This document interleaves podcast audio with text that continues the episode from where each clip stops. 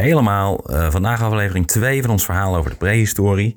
Uh, ook hier kom ik zo nu en dan even inbreken om wat uh, dingen te corrigeren.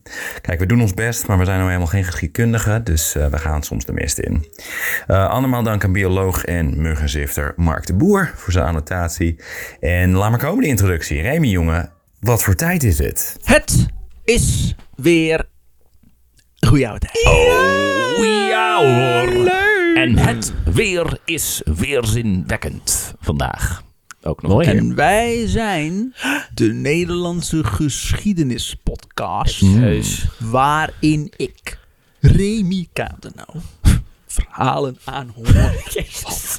Wat gebeurt Van Tim van het Hul. Terwijl... nee, dat moet jij zeggen. Ja, sorry. Uh, uh, uh, oké. Luistert. Elke week een ander verhaal. ik vond het hele theaterspel omheen ook fantastisch. Uh, Remy heeft een beroerte. En wij gaan maar gewoon door met het intro. uh, jongens, uh, het, het, antwoord. wat was er eerder? Jullie hebben hier het antwoord op. De, dit ja. hebben we alles besproken. Wat was er eerder? Het kip of het ei?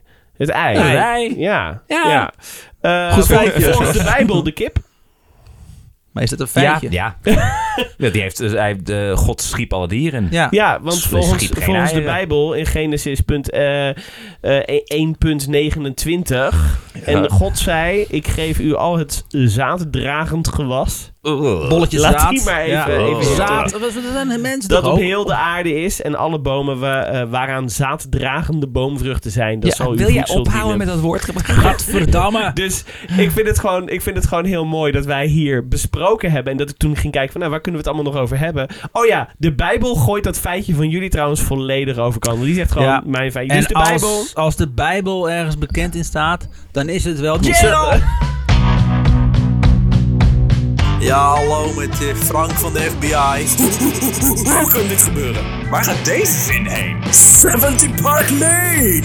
Hallo, ligt mijn naam. Lalalala, Willem Hoe staat het ervoor met die uh, Ben, uh, ben en Jerry? Help mij, er is een arts hier. Atoomsplits torpedo sneldekramen. Ik ga zo echt klaarkomen van moeder. Oh! oh! Ben, ik, ben ik zelf gejingled? Oh man, hoe werkt dit? Oh. Jingleception. Komen trouwens nog meer, nog meer bijbelcitaten aan. Wil je dat? Laten oh, we echt? Oh, lekker. Ja, ja. Daar gaan we wel goed op. dat is mijn favoriete. Ja. Uh, jongens, vorige week eindigden we met het uh, filosofische geschil tussen uh, Thomas Hobbes en ja. Jean-Jean Rousseau. Zijn we, zijn we, ja. zijn we goed? Zijn we als mens goed? Of en, is de, en worden we slecht gemaakt door, de, door de samenleving? Door de samenleving. Of is het andersom? Rousseau geloofde dus inderdaad dat mensen van oorsprong vredelievend zijn. Hobbes het daarentegen een weinig vertrouwen in de menselijke aard. En Hobbes die doet het goed tegenwoordig. Vooral sinds de 19e eeuw. Want toen ontstond namelijk het huidige beeld van de beestachtige, beestachtige oermens. Waarom? In één woord, kolonialisme. Oh. Nou, waren zogenaamd beschaafde mensen op dat moment al eeuwenlang jagers-verzamelaars aan het uitmoorden en onderdrukken. Maar voor de 19e eeuw maakten we ons daar nog weinig illusies over. Columbus omschreef de eerste mensen die hij ontmoette in de nieuwe wereld als volgt. Ze zijn heel eenvoudig en eerlijk. En buitengewoon vrijgevig met alles wat ze hebben. Geen van hen weigert iets dat hij bezit als hem daarom wordt gevraagd. Worden wel snel ziek. Dat heeft hij er ook nog om geschreven. Worden snel ziek. Zo, het zo ja. Een, een, een, een, rustige verkoudheid is gelijk desastreus voor die. Heel raar. Maar hoe is heel rustig? Ze heeft in Nederlands. Heel zwak zijn ze. In Nederlands, ja. Ook om die spreektaal. Heel schriftenvol. Ik snap het nou wat doen niet. En, uh... Ze tonen grote liefde voor alle anderen, nog boven henzelf. Het zijn de beste mensen ter wereld en vooral de zachtaardigste, zonder kennis van wat kwaad is.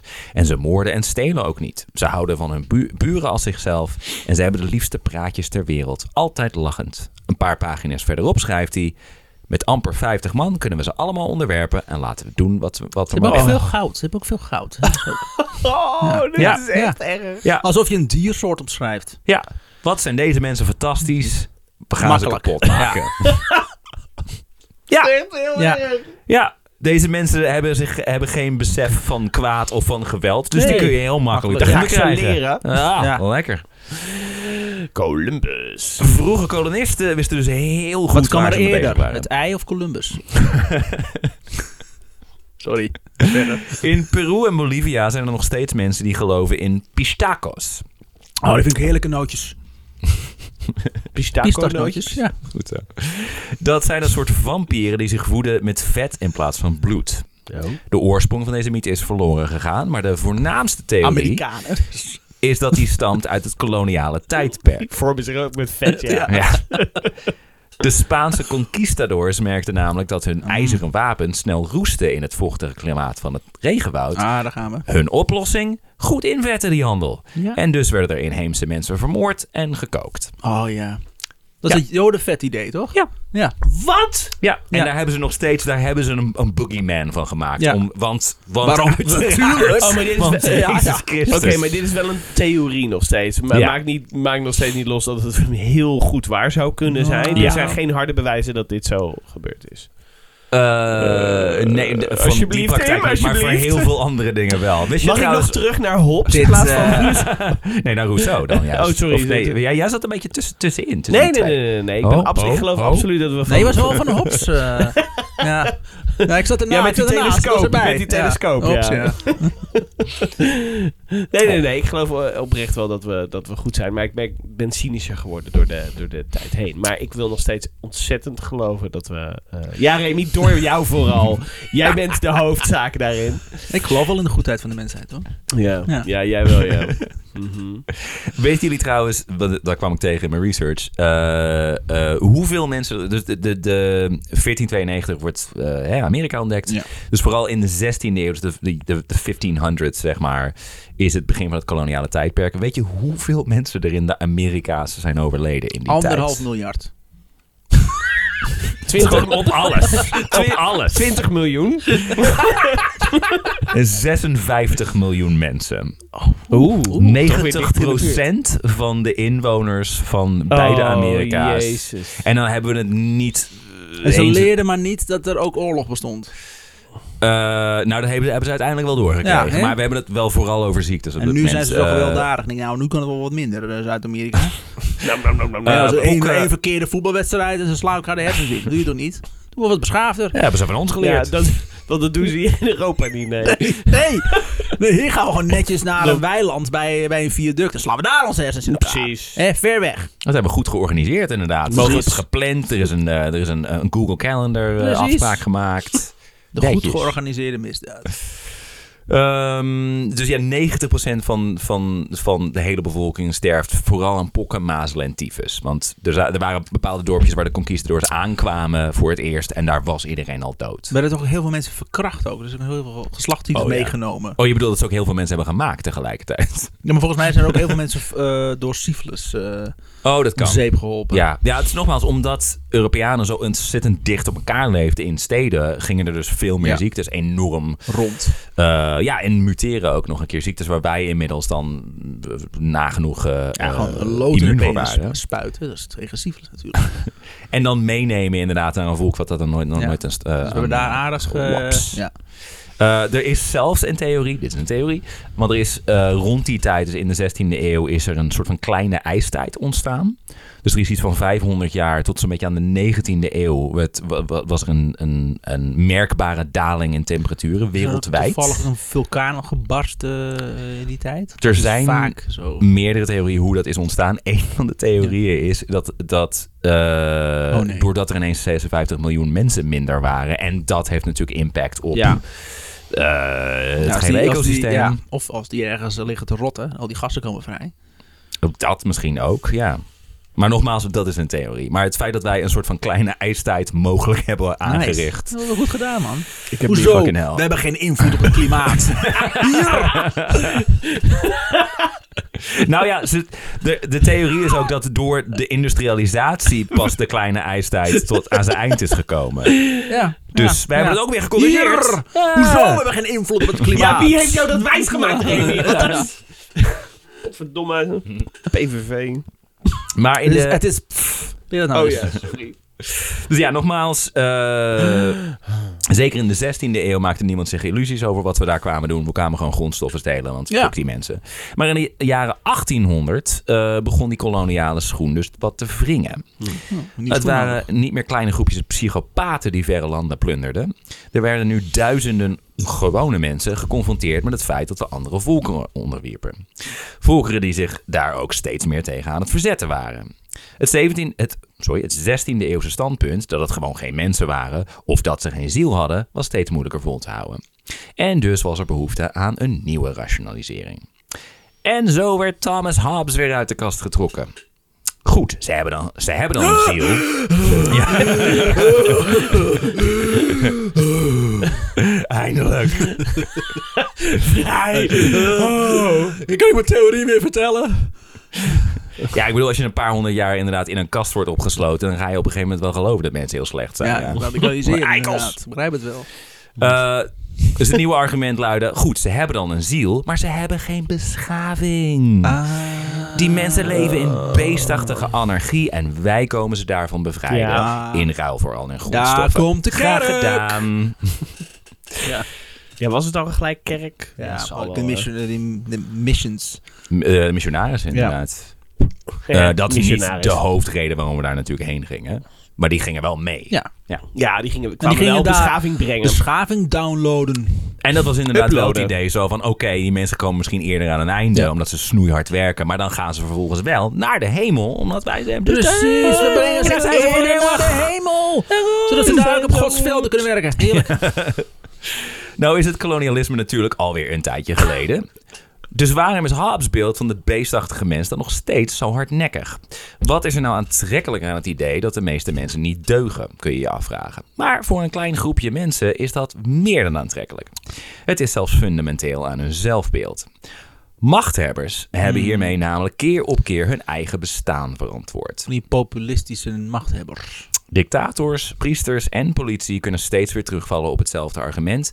Ik misdraag me misschien soms, maar zonder ons zouden jullie elkaar opvreten. Dus niet zo zaniken en gewoon luisteren. Ja, Jullie hebben ons nodig, hoe kut we ook zijn. Ja. Dat de argument. psychopaat.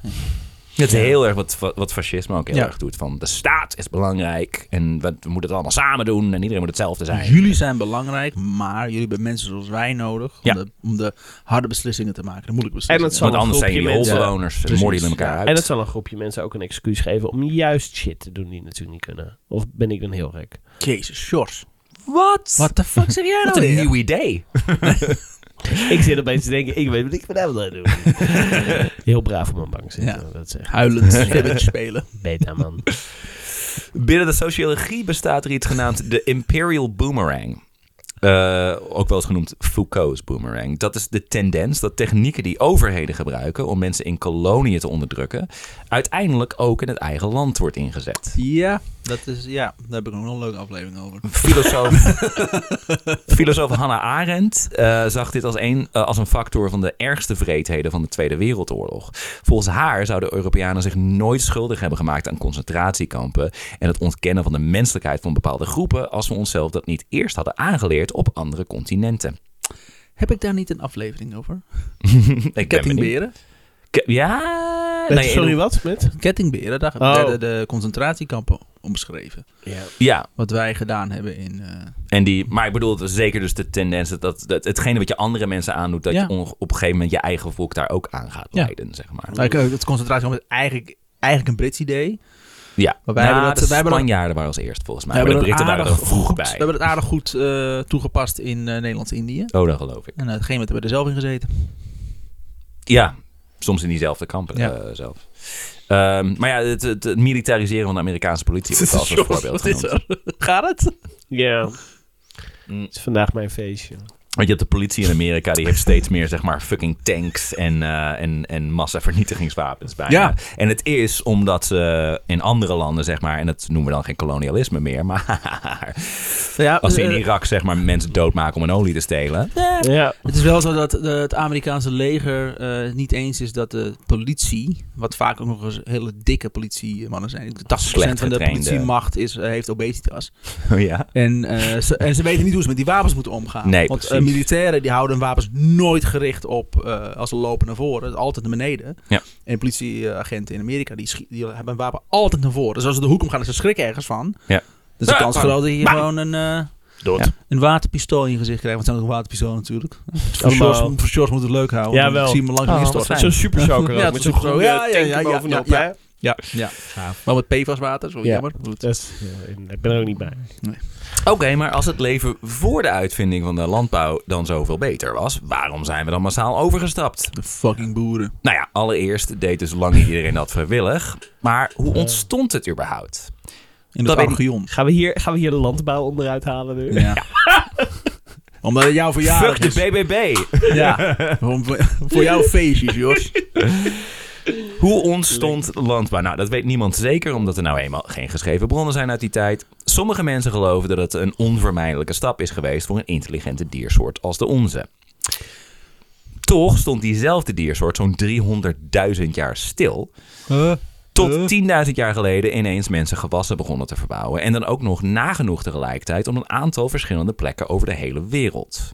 Dat is raar.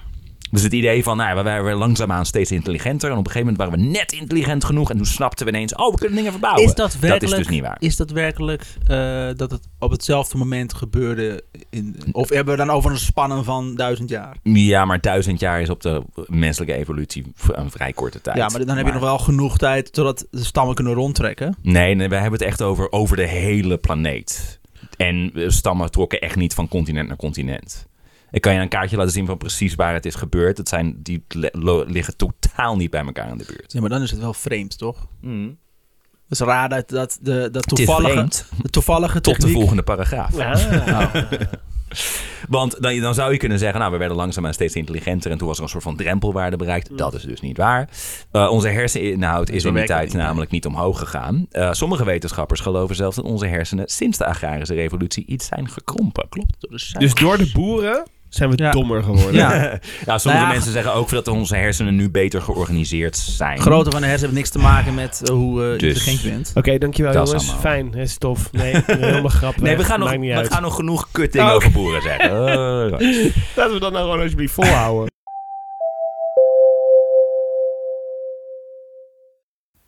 Hier moeten weer even een paar dingetjes rechtgetrokken worden. Ehm, ik zeg net weer dat de menselijke vooruitgang 300.000 jaar stilstond. Nou, dat heb ik in deel 1 al even gecorrigeerd. Dat is dus niet zo. Eh, die vooruitgang was dus alleen heel traag. En er ontstond steeds geen landbouw. Eh, dan zeg ik nog dat mensen ineens gewassen begonnen te verbouwen. Dan moet ik ook even nuanceren. Eh, er zijn aanwijzingen gevonden dat er in het Midden-Oosten al 23.000 jaar geleden een soort van sikkel werd gebruikt om graan te oogsten. En 14.000 jaar geleden werd er waarschijnlijk al een soort van brood gegeten. Nou verschilt natuurlijk sterk van regio tot regio, maar landbouw lijkt dus over een veel langere periode te zijn ontstaan eh, dan hoe ik het hier, nu neerzet. Ehm, ik zeg nog dat stammen niet van continent naar continent trokken. En dat is ook zo. Individuele stammen die reisden niet dat soort afstanden. Eh, natuurlijk hebben mensen zich over de eeuwen heen wel verplaatst tussen continenten. En de landbouw in Europa komt bijvoorbeeld hoogstwaarschijnlijk uit het Midden-Oosten. Eh, maar dat verklaart dus niet hoe landbouw in ruwweg dezelfde periode opduikt in bijvoorbeeld Zuid-Amerika. Eh, en dan is er nog het stuk over herseninhoud. Er zijn wel onderzoekers die zich daarmee bezighouden. En het is dus niet per se fout wat we hier zeggen, maar Remy die geeft het ook al aan. Herseninhoud en intelligentie hangen niet één op één met elkaar samen. Dus daar moeten we niet te veel betekenis aan verbinden. Eh, terug naar de aflevering nu, waar we het dus hebben over de uitvinding van landbouw en waarom dat zou zijn gebeurd.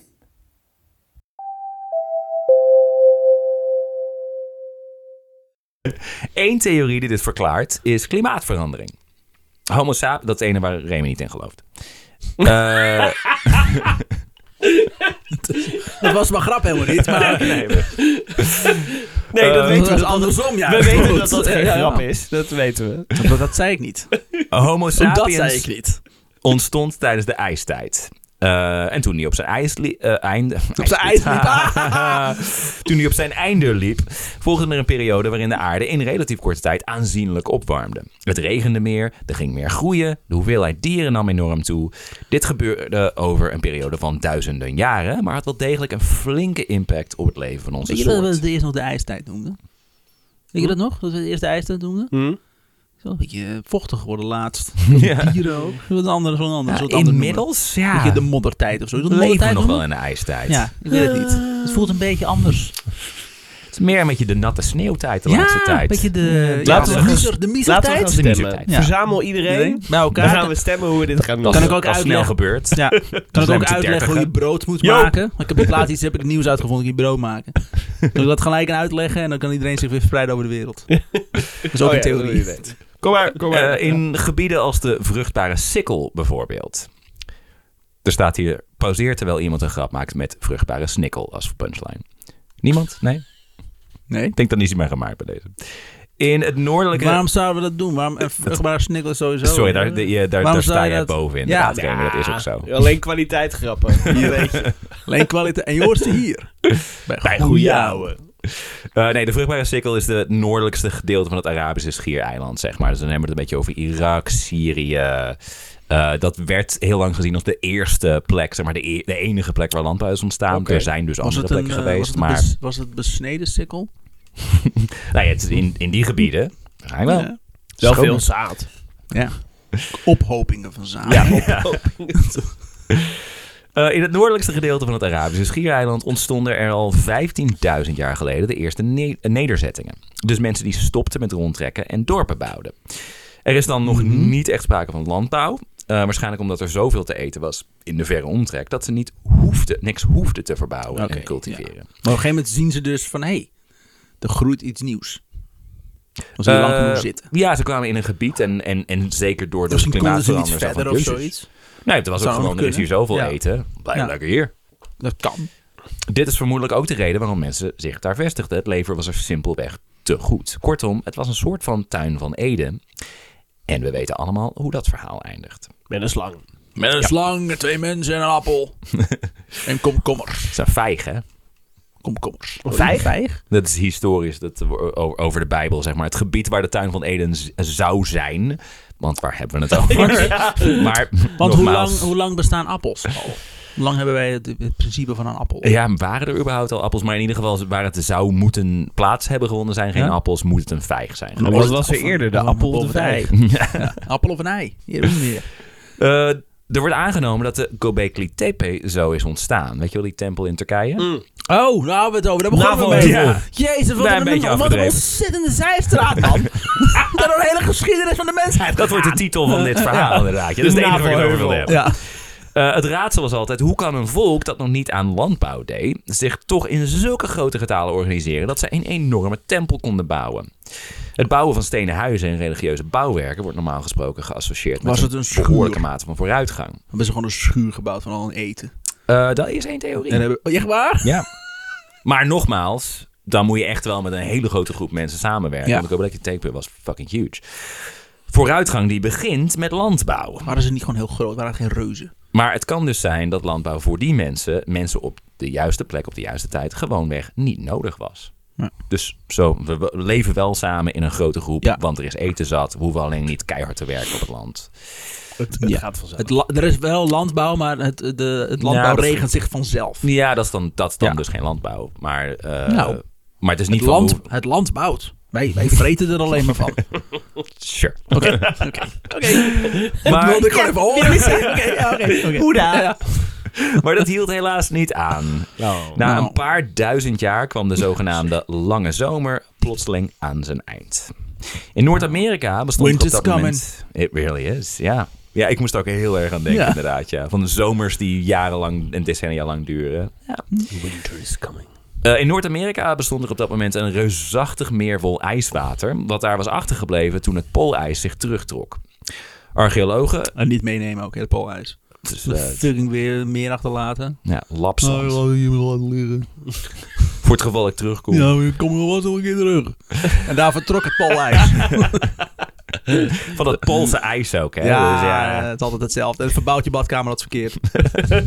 Je weet wel, Pools Pool- ijs. Pools ijs. Pools ijs. Eh, archeologen noemen het eh, eh, het Agassizmeer. Bestaat dus niet meer. Eh, en het was ongeveer het formaat Dus van het was het Zweden. Agassiz meer. En het, is nu, het bestaat dus niet meer. Ja. Maar ze noemen het nog steeds het we Agassi meer. Maar waar is het dan nu? Ja, niet. Maar Maar ik begrijp het niet meer. Ik begrijp het niet meer. Nee. Hoe heet het nou? Als je het intoetst bij Google Maps, kan je het het niet meer, slecht heet vinden. het.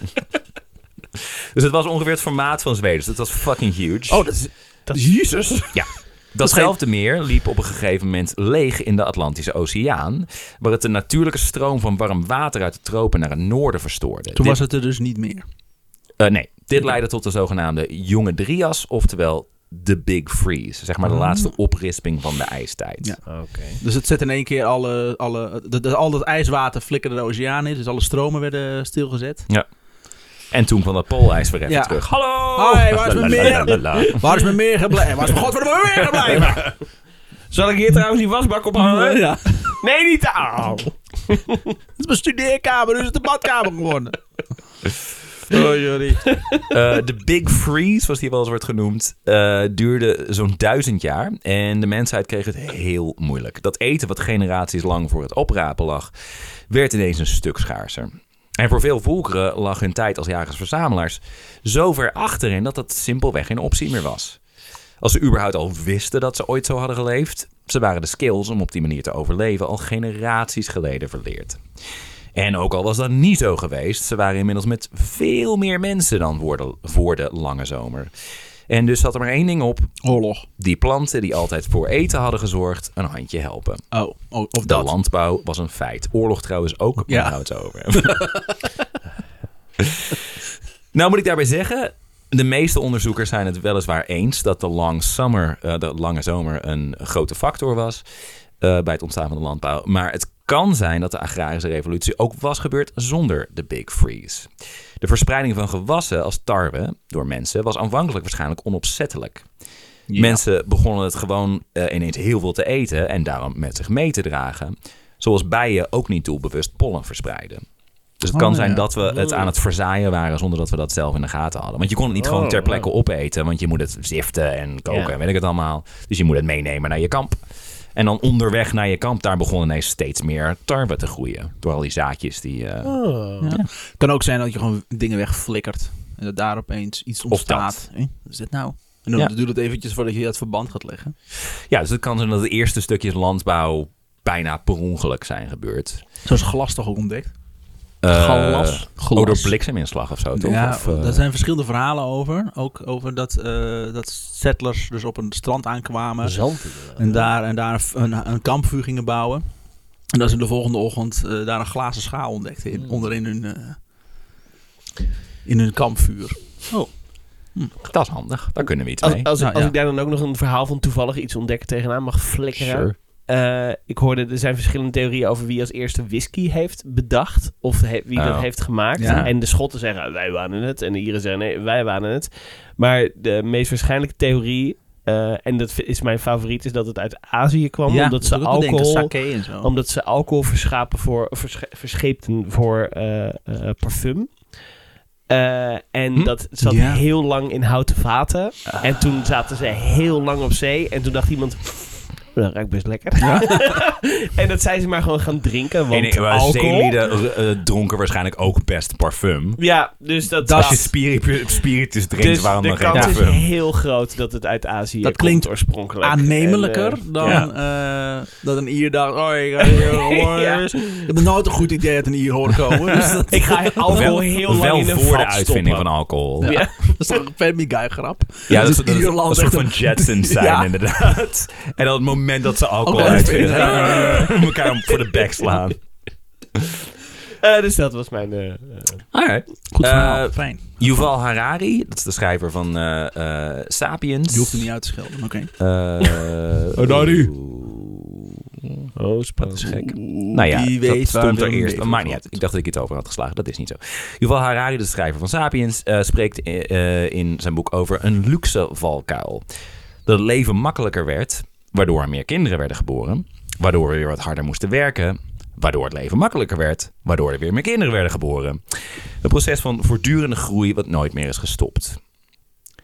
Eh, dus ja, ongeacht of, of die Big Freeze de Big Freeze is gebeurd, maar ongeacht of dat invloed heeft gehad op de uitvinding van landbouw, het is wel, als, het was waarschijnlijk niet gebeurd als we niet die lange zomer hadden gehad. Als het ineens op bepaalde plek op de wereld niet zo vruchtbaar was dat mensen zoiets hadden van, nou blijf wel hier.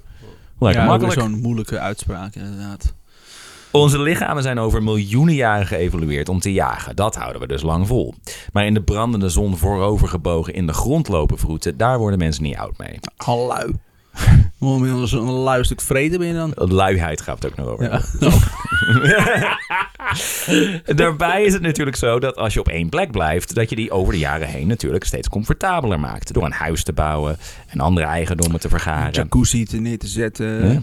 Zet dat proces een paar generaties voort en je hebt een leven waar je alles voor over hebt om het te beschermen. Moord, oorlog en bovenal het onderdrukken van andere mensen.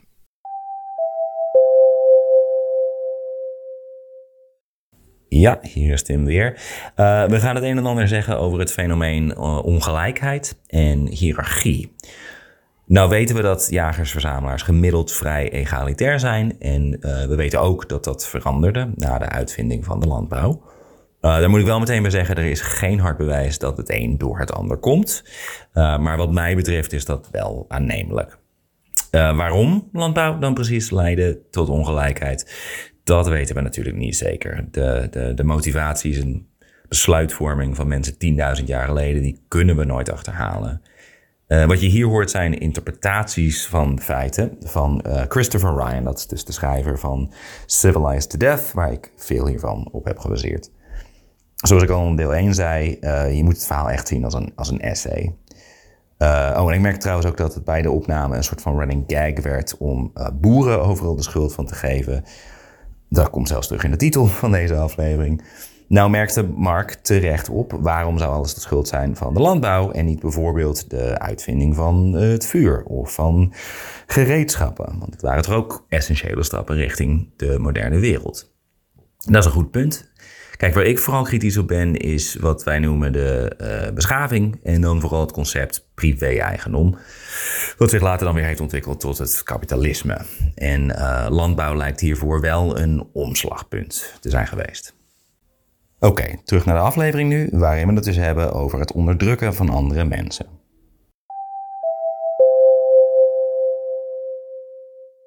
Ha, landbouw. Maar om, dat, Hè? om dan uit te... Het zeg maar onderdrukken van andere mensen, mensen die op jouw land willen komen dan? Of Je zo? hebt- je hebt- je Sowieso. Het ja, is je- wat is dit? De jagers-verzamelaars hadden zoiets van... Oeh, dit is een grotere groep mensen. Dit winnen we niet. Ja. Dat gaan we Ja. allemaal wel weg. Doei. De- de- sowieso, zijn- als je je dorp achterliet... dan ging je waarschijnlijk dood in het wild. Ja. En we gingen, we gingen van, eh, we hebben geen eigendom naar, we hebben opeens heel veel eigendom. Dus er is iets te jatten. Dit is, je ja, dit is, dit is opgebouwd. dat. voor mij. Ja. Dit heb ik gekregen Ja. eh, nadat mijn ouders doodgingen. Precies. Dus Ik voor mij- Eh, en wat ik zeg, bovenal het onderdrukken van andere mensen. Nou, en dan vooral vrouwen. Oké, dat hoor ik nu wel. Want na een leven lang zwoegen op een akker... wil je zeker weten dat alles wat je hebt opgebouwd... in jouw familie blijft. Juist. En de enige manier om zeker te weten dat je kinderen echt jouw kinderen zijn... Ja, is je vrouw elke andere seksueel contact te ontzeggen. precies. Op straffen van geweld. Stem BBB.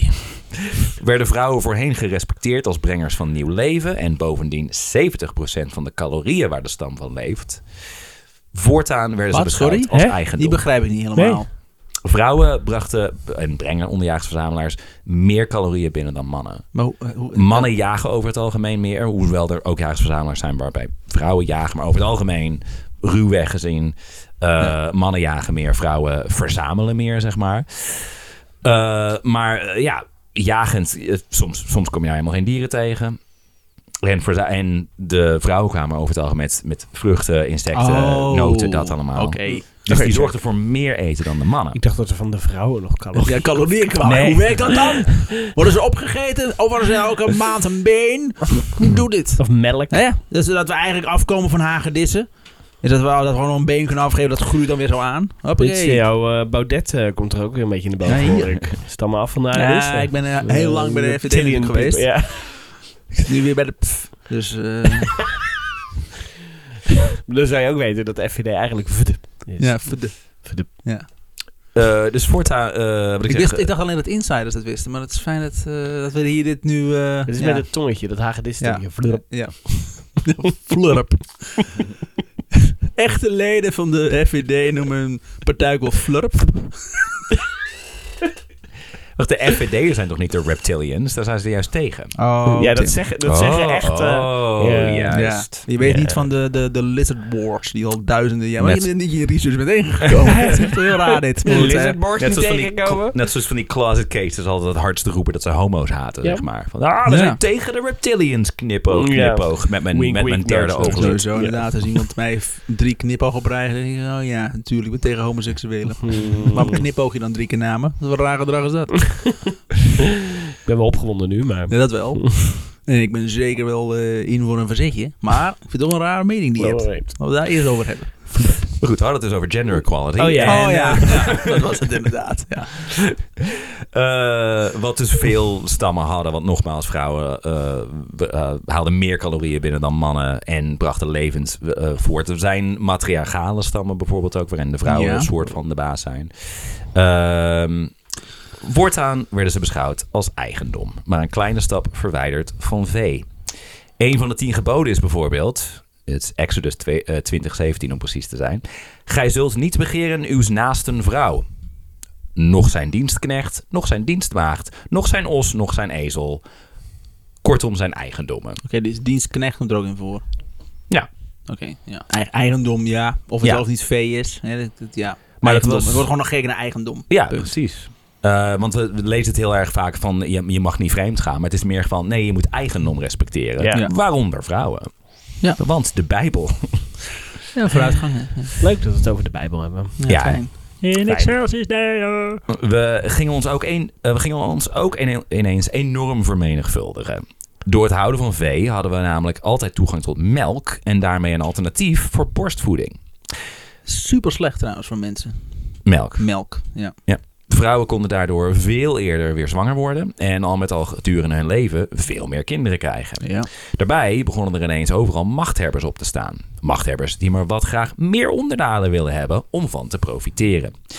En vandaar dat alle religies die het hebben gered tot in de moderne tijdperk een nadruk leggen op gaat heen en vermenigvuldigt u. Mm. En waarom geboortebeperking of elke vorm van seks die niet op voortplanting gericht is, uit den boze is. Precies, er moet altijd een kind uit ontstaan. Want Ja. anders is het namelijk een zonde. Ja.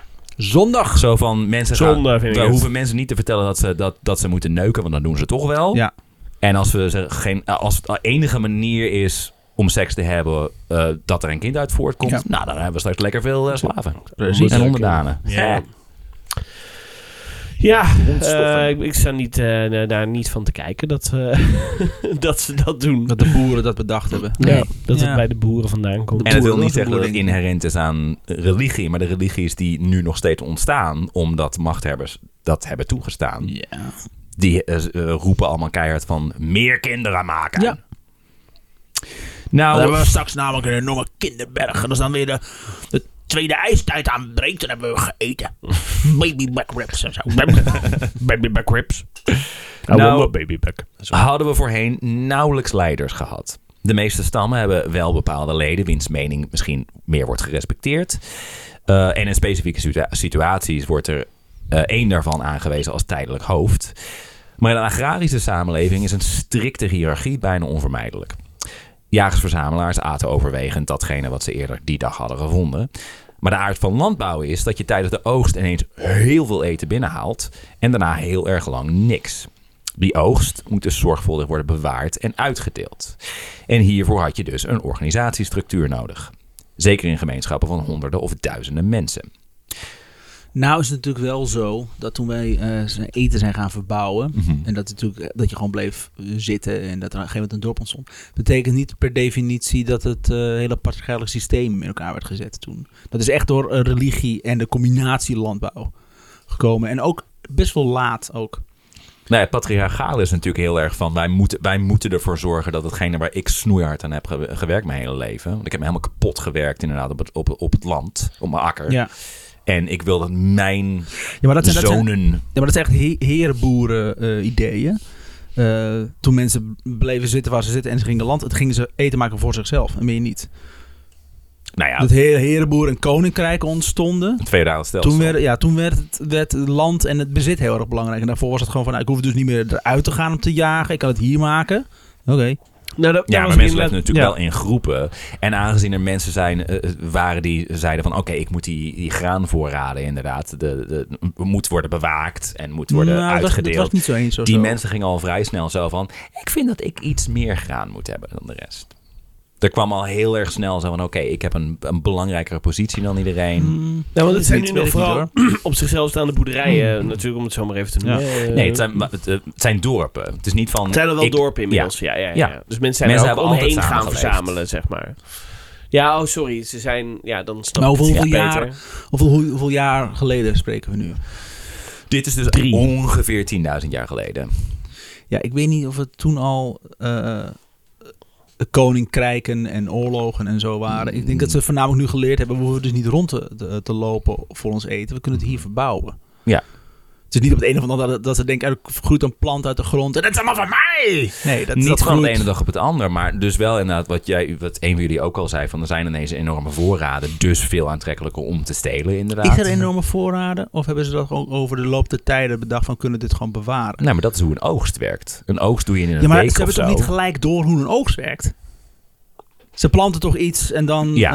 eh, langzaam denken, oh, we kunnen het nu gewoon vreten en eh, hoef ik dus niet rond te Ja, reizen. maar of ik kan zij- iets bewaren voor later, voor Maar als, als die zij voor winter er zichzelf iets planten, Ja. ik bedoel, dan, dan, dan nou, dus laten het misschien niet gelijk enorme silo's vol zijn. Maar ik Als bedoel, zij- gaan, en inmiddels ga je dan toch op een gegeven moment ook voor vooruit de, eh, dingen zaaien en oogsten. En dat zal misschien niet binnen een dag Maar waarom- gaan, waarom zou je maar- En je bijvoorbeeld- moet met die oogst eh, de hele winter op zijn minst doen. Dus dat is het vrij Ja. veel eten. Want wa- waarom zou jij, eh, als jij iets bewaart, want als jij jaagt, moet je ook iets bewaren om terug te nemen.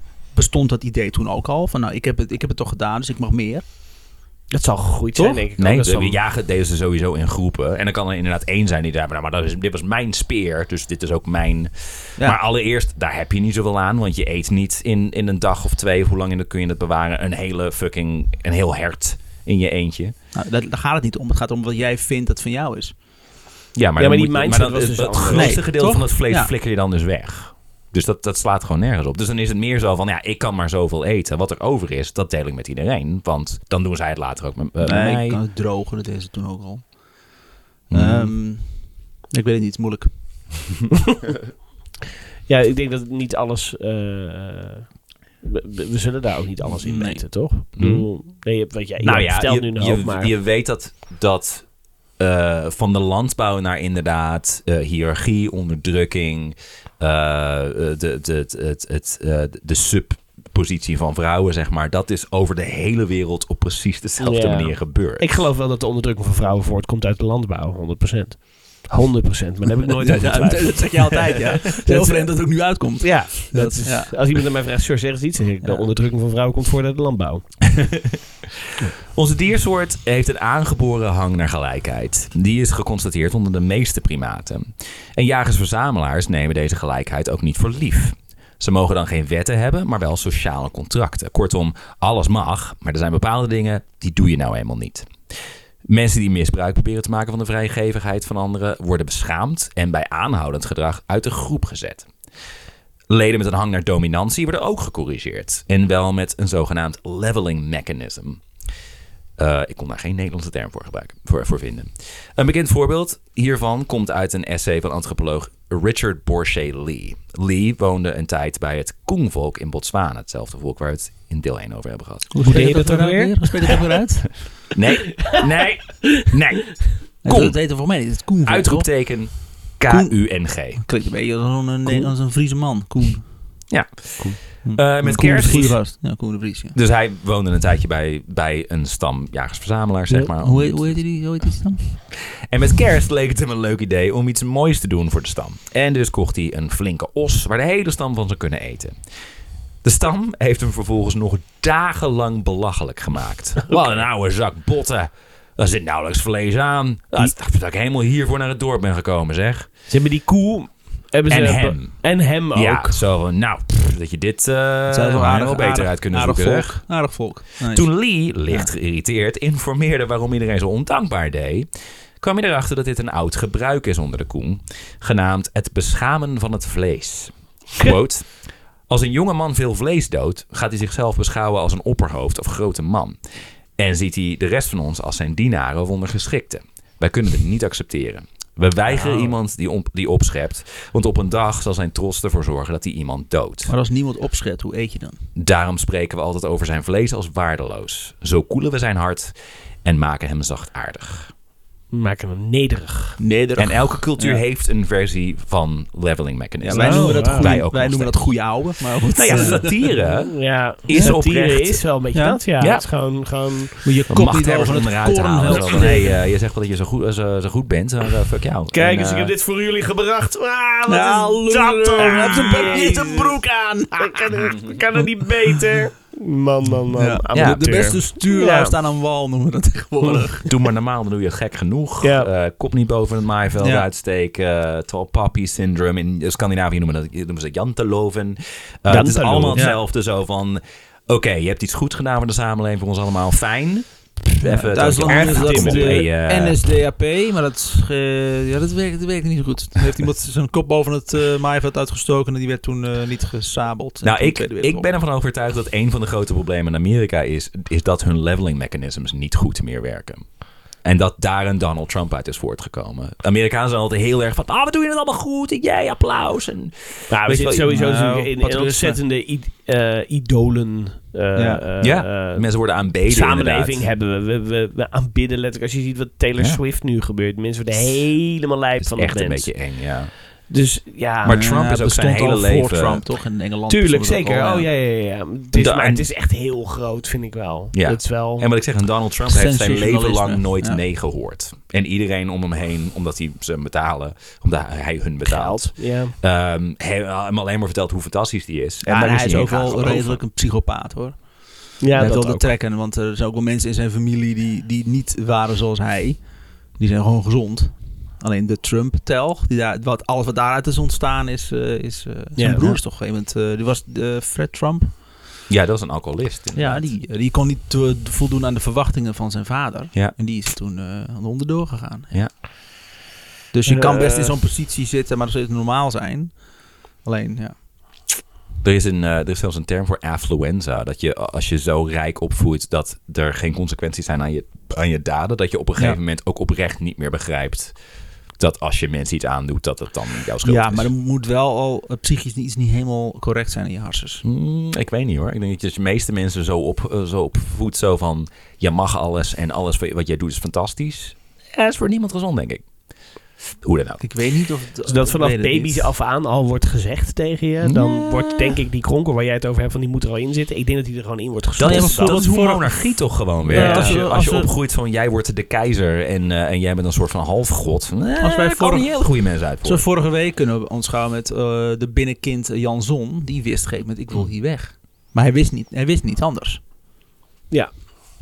Nou, hij vond Terwijl de rest van zijn gezin wel heilig geloofde klopt. in, Ja, nee, dat is in wat...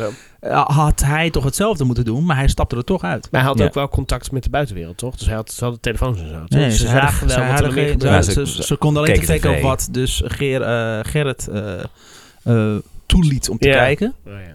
En dat was het. ja, nee, dan zitten we wat anders. Nee, ja, goed. We gaan Een ander gesprek. Ja. Eh, het feit dat er nu ineens warlords en koningen waren, kan dus geen makkelijke overgang zijn geweest. Maar ook daarvoor was religie handig. De vroege priesters werden ingezet om mensen uit te leggen dat God het zo wilde. Dat de grote leider een soort Ja. hoger wezen was. En zo had, zoiets had je in de relatief kleine stammen van de jagers-verzamelaars moeilijk vol kunnen houden. In een groep van maximaal 150 man ken je iedereen en leef je naast elkaar. Maar in het nieuwe tijdperk kon een leider zichzelf afzonderen in een paleis, zich behangen met rijkdom en elk sprakje ongehoorzaamheid laten afstraffen. Ja, kijk eens hoe, hoe, goed God voor mij is. Dat betekent dat ik de uitverkorene ben. Ja, Jullie moeten naar me luisteren, want principle. jullie hebben het namelijk heel slecht. Maar als jij volgt wat God zegt en dus wat ik zeg, Ja. dan zullen de rijkdommen die ik heb, zullen ook jou Dat, heb- dat hebben ze in, Ja. in Amerika echt geweaponized, inderdaad. Van die evangelicals, van die tv-priesters die letterlijk zeggen van... kijk hoe rijk ik ben. Dat had niet anders gekund. Als, ik, als, als God mij niet fantastisch vond, dan was ik niet rijk onder- geweest. onderdeel van de American Dream. Dus, dus kortom, rijke mensen zijn beter. Is ook wel. De Ja. mensen zijn geëvolueerd. Ze hebben het beter. Makkelijker misschien. Mensen zijn geëvolueerd om op een bepaalde manier te leven. Maar binnen een paar generaties moesten we dus een levensstijl aannemen die tegen onze natuurlijke aard indruist. We denken er nooit zo over na, maar je zou kunnen zeggen dat mensen niet alleen dieren en planten hebben gedomesticeerd, maar ook zichzelf. Als je dan een confronterende gedachte vindt, dan heb ik er nog één voor je. Weten jullie toevallig wat locusts zijn? Dat Ja, zijn eh? Ja. Maar daar is natuurlijk al een Engels woord voor, grasshopper. Ja. Voor locust is terecht een ander, eh, een ander woord. Vergeleken bij de huistuin- en keukensprinkhaan zijn ze namelijk vaak grauwer gekleurd, hebben kortere poten en belangrijker nog leven in enorme zwermen die hele akkers leegvreten. Gaan we de Independence Day route? Jurassic, Die- gaan we eh, Jurassic World. World Dominion. Ja. Nee, Independence Day wordt, wordt, eh, wordt de mensheid toch om eh vergeleken Als met ja. Ja. Zo erg eh, dat ze er zelfs een bijbelse plaag aan is Ja. gewijd. De meeste mensen nemen dan ook aan dat het eh, gewoon een andere diersoort is. Maar wat blijkt, ze hebben exact hetzelfde DNA. Grasshoppers en locusts Mhm. zijn dezelfde dieren. Ik had... Ja, oké. eh, Sorry, ik had nooit heel anders gedacht Nee, eigenlijk. nee. Ik had het nooit gedacht dat het een ander diersoort was. Dus ze leven heel anders. Oké. En daarom nemen veel mensen aan van dat zal dan wel een andere soort sprinkhaan nee, zijn. Die familie met elkaar zijn. Nee, Nee. hoe een sprinkhaan een zogenaamde treksprinkhaan wordt, dat is wat wij, het woord dat wij gebruiken voor locust, maar dat heeft een minder bijbelse bijtoon. Ehm, Trek springhaan. ja. Nederlanders bedenken ook eens wat hoor. Eh, hoe een sprinkhaan een zogenaamde treksprinkhaan wordt, klinkt wel erg bekend in de oren. Tijdens vruchtbare periodes met veel regen kan het aantal sprinkhanen flink omhoog gaan. Dat is in principe geen probleem, er is dan genoeg te eten voor allemaal. Eh, Maar als er daarna bijvoorbeeld ineens een droogte ontstaat, dan moeten die sprinkhanen elders een heil gaan zoeken.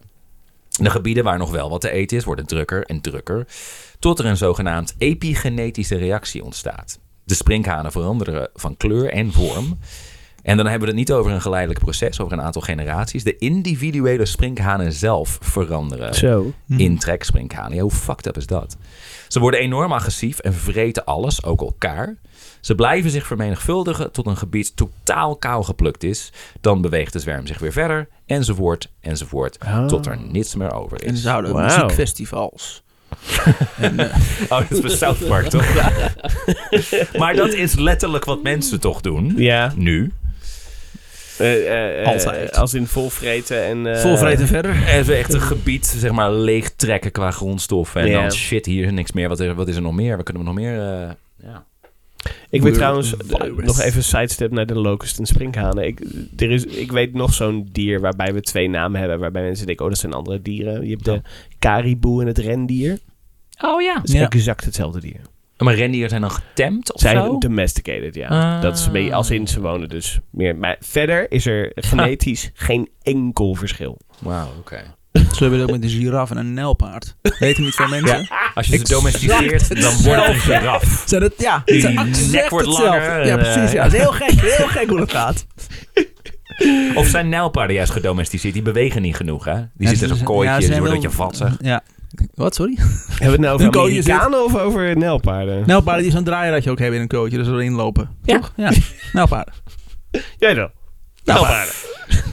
Eh, en dat brengt ons bij mijn laatste onderwerp. Namelijk gelukkig zijn. Oh. In deel dat ken ik 1 niet. hadden we het over de fysieke gezondheid in de oertijd. Dat die zoveel slechter zou zijn dan de onze, is dus een mythe. Vooral mensen in ontwikkelingslanden leven tegenwoordig minder lang en zijn ongezonder dan in de prehistorie. Eh, hier, in de rijkste 5% van de wereld, zou je nog kunnen beargumenteren dat we met onze moderne geneeskunde beter af zijn. Maar qua psychische gezondheid?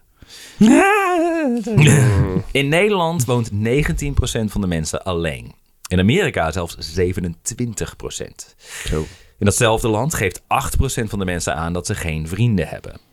In Nederland heeft 23% van de mensen aan zich regelmatig eenzaam te voelen. Al deze percentages hebben flink omhoog gegaan de afgelopen decennia en gaan dit naar verwachting alleen maar blijven doen. Welvaart en sociale isolatie lijken namelijk hand in hand te gaan. Arme mensen in ontwikkelingslanden hebben simpelweg niet de optie om alleen door het leven te gaan. Ze zijn afhankelijk van het openbaar vervoer, streetfood, hun familie als sociaal vangnet en, en, huizen, en hun huizen zijn vaak niet comfortabel genoeg om zichzelf de godganse dag in op te sluiten. Ja, het social media zou ook niet helpen. Voor het eh Voor zelfbeeld. Ja, Nee. er, er wordt, er wordt niet elke dag ingepeperd hoe kut jouw leven is en hoe goed andere mensen het hebben. Dat inderdaad. En, ja. je kan, en je kan uit je wereld. Ja. Dus, dus je zit in een... ja, dus ook al ben je heel erg alleen. Je kan naar buiten en je kan het gevoel hebben dat je niet alleen heel erg een. Black Mirror achter, alsof je in een soort van mirror universe Ja. leeft. En door jouw telefoon heen kun je, kun je zien hoe al goed andere mensen. Je kan er niet bij. Nee. Ja. Je kan het alleen zien. En that's it. En jouw like, of dat is jouw enige vorm van. Ja, of iets zelf iets posten Ja. en een like op krijgen Ja. van, weet, ik, van je broer uit, eh ja, uit Zweden. uit de Die er toevallig heen gedaan is, want die een hekel aan je had. Ja. Ik like hem wel voor het weer beter. Ja. Like betekent in Zweden ook heel iets anders. Like, dat is een soort van. eh dit zit me niet. Het zit meer een middelvinger dan een Ja, duim. ja, ja. Nou hebben Goed. deze mensen uiteraard genoeg andere problemen. Oh ja, maar nou, eenzaamheid is er meestal niet één van. Mensen zijn geëvolueerd om nauw samen te leven met andere mensen. Eenzame opsluiting wordt niet voor niks gebruikt als marteling. Sommige mensen gaan met die eenzaamheid in hun leven om door drugs te gebruiken. De relatie tussen, de, tussen eenzaamheid en drugsgebruik wordt lang niet altijd begrepen. In de Nou, jaren 70 alcohol. is ook een Ja. druk. Ja. In de jaren 70 riepen de autoriteiten moord en brand over drugs. Drugs! Oh nee! Er waren onderzoeken gedaan waarbij ze ratten steeds de keuze gaven tussen eten of drugs. 90% van de ratten bleef maar drugs gebruiken tot ze stierven van de honger. Geen wonder dat alle drugs keihard werden verboden. Op alcohol na dan. Ja, tuurlijk. Ja, maar alcohol is oké. Alcohol, Dat ja. niet. Maar een Canadese psycholoog, Bruce Alexander, had daar zo zijn vraagtekens bij. Hmm. Hij besloot het onderzoek nogmaals te verrichten en kwam uit op een totaal andere bevindingen. Deze ratten gebruikten 75% minder drugs en geen één overleed eraan. Het cruciale verschil? Deze ratten zaten niet in een klein kooitje alleen, maar hadden voldoende Oh, lichaamsbeweging ja. en contact met andere ratten. En uh, wist ook gewoon beter hun drugs te snijden natuurlijk. te mengen. Ratten zijn namelijk net als mensen sociale wezens. De ratten in de eerste studie leken achteraf niet zozeer te zijn overleden aan de verslavende eigenschappen van drugs, maar aan eenzaamheid. Yeah. Dus ja, als je ons inderdaad in een kooi opsluit zonder enig contact met andere mensen, ja, dan gaan we onszelf ook kapot eh, Ja. spuiten. Ik denk dat zo'n rat gewoon Ja. eerst vier schildpadden moet vinden. Precies, ja. Pizza en dan, eten. eh, en de vier verschillende gekleurde even, ja. Ja, oh ja. Ja. Ik en Short op hetzelfde niveau. ja, ja een, En een, eenzaamheid en een is... hele verzameling met Bruce Lee video's. ja, dat ja. Eenzaamheid is iets wat ik godzijdank nooit in zo'n heftige mate heb mogen ervaren. Het maakt Eh, ik- alles erg. eh, al- alle andere psychische klachten worden erger door Ik eenzaamheid. geloof het, ja. Alles. Ehm, en het is echt iets wat we onderschatten, volgens mij. Ja. En nogmaals, in de welvarende wereld hier, waar het allemaal zoveel beter met ons gaat, hebben mensen dus beduidend meer last van eenzaamheid. Je ziet ook als mensen hun in- inkomen omhoog gaat, dan ga je over het algemeen, ga, dan gebruik je het openbaar vervoer niet meer. Dat is allemaal een beetje smoetsig. Hè? Je hebt een chique auto bijvoorbeeld. Uh, op een gegeven moment als je echt rijk wordt, dan word je steeds meer lastiggevallen, want mensen willen van alles van je. Je gaat je dus steeds meer, zeg maar. Je hebt een hele comfortabele kooi. Ja. maar Een daar, gouden kooi heet dat, ja. nou ja, het is de reden waarom, ja, waarom zijn miljonairs niet allemaal ontzettend gelukkig? Want dat zijn ze zeker niet. Nee. Nou, maar dat, zit, dat ligt ook een beetje aan wat voor miljonairs het zijn. Tuurlijk. Eh, als je hard hebt gewerkt voor je centen, dan ga je nog steeds wel gewoon om met eh, de figuren die je hiervoor kende. Maar als je geboren wordt in geld, dan eh, kun je alleen maar jezelf eh, eh, maatstaven aan andere mensen met geld. En hoe ze dat hebben gekregen. En dan wordt het hebben van geld is heel belangrijk. Ja. Dus nou, En niet eens het, het hebben van geld, het krijgen van geld. Ja, Want als je het eenmaal hebt, dan is het niet meer zo, niet meer of zo dan is het opeens een tas kopen van 4000, eh 40.000 dollar is dan opeens heel belangrijk. Ja. Dan kan ik kijk mijn status. En dat is wat, wat, wat eh, eh, miljonairs dan heel erg hebben. Hmm. of rijke mensen heel erg hebben, naar wat social media nu is. Het is belangrijk om aan te geven dat jij iets unieks, uniekers hebt dan andere mensen. Ja. En zodra dat niet gebeurt, dan worden mensen ongelukkig, want die andere mensen hebben het toch zo fijn. Ja. Het is een smet op de, de mensheid. Fucking social media. ja. Nogmaals, we zijn ook te vinden, jongens, op Instagram, Facebook en Dat wel, dat werkt heel goed voor ja. ons. Eh, Daar staan we ook op X. Ja, wel, maar dat doe ik. Nee. Maar dat Tata Steel op gevraagd of ik op wil houden. Dat is, Eh, een tekort aan menselijk contact begint bij veel mensen al in de kindertijd. Zeker onder arme mensen, waarbij, sommige, eh, waar- waar- waarbij soms beide ouders meerdere banen hebben, krijgen kinderen veel te weinig aandacht en fysiek contact. Want, zoals we eerder bespraken, in onze samenleving is het zorgen voor kinderen exclusief een taak voor ouders. Hebben die niet genoeg tijd of interesse, dan ben je als kind de lul. Nou, En wij als samenleving ook. is dat zo? Weinig contact tussen baby's en hun moeder hangt nauw samen met gedrag in volwassenheid, zoals dronkenschap, geweld, gedragsproblemen, depressie en zelfmoord. Maar we Dus hebben het toch een sociaal vangnet in, eh, vooral als we het eventjes over hebben over Nederland. Mhm. We hebben toch een sociaal vangnet voor kinderen. Ik, ik denk ehm, Ja. minder dan... Ik snap Als wat een je, kind naar school gaat bedoelt. bijvoorbeeld, Ja, dan ja, is daar echt wel aandacht voor. Dat, dat is er eh, ook wel, maar uiteindelijk is, is de basis, dat is wat Tim volgens mij bedoelt, Ja. eh, is eh, dat we heel erg gebouwd zijn op eh, de ouders. Dan wel verzorgers als er geen ouders zijn, maar dat kunnen soms ook grootouders zijn. Maar Als mensen arm zijn, dan werken niet beide ouders. Dan is meestal één iemand al thuis. Want het is namelijk duurder om te werken dan dat er één thuis blijft. Soms wel, ja. ja. ja. Maar, eh, het- want de boog is natuurlijk dat we eh, in het begin niet eens wisten wie de ouders was, maar met een groep zorgden we voor Ja. een kind. Ja, en, dichtstbijzijnde en nu zijn we allemaal huisjes naast Ja, elkaar. en, ja. en Ja. hebben we daar twee verzorgers in zitten. En als Eh, die even, zijn- heel modaal, is niet voor Vroeger in iedereen zo. de, maar- in de eh, als je naar het ouder, eh, armere gezin had, die woonden allemaal ze- in dezelfde buurt.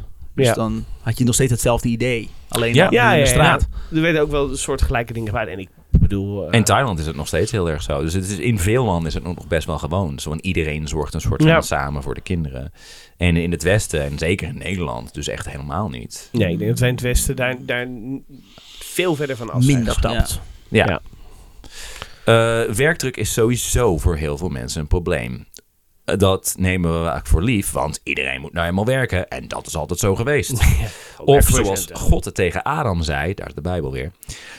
Omdat gij naar uw vrouw hebt geluisterd en van de boom gegeten, waarvan ik u geboden had, gij zult daarvan niet eten, is de aardbodem om uwentwil vervloekt. Als voegende zult gij daarvan eten, zolang gij leeft.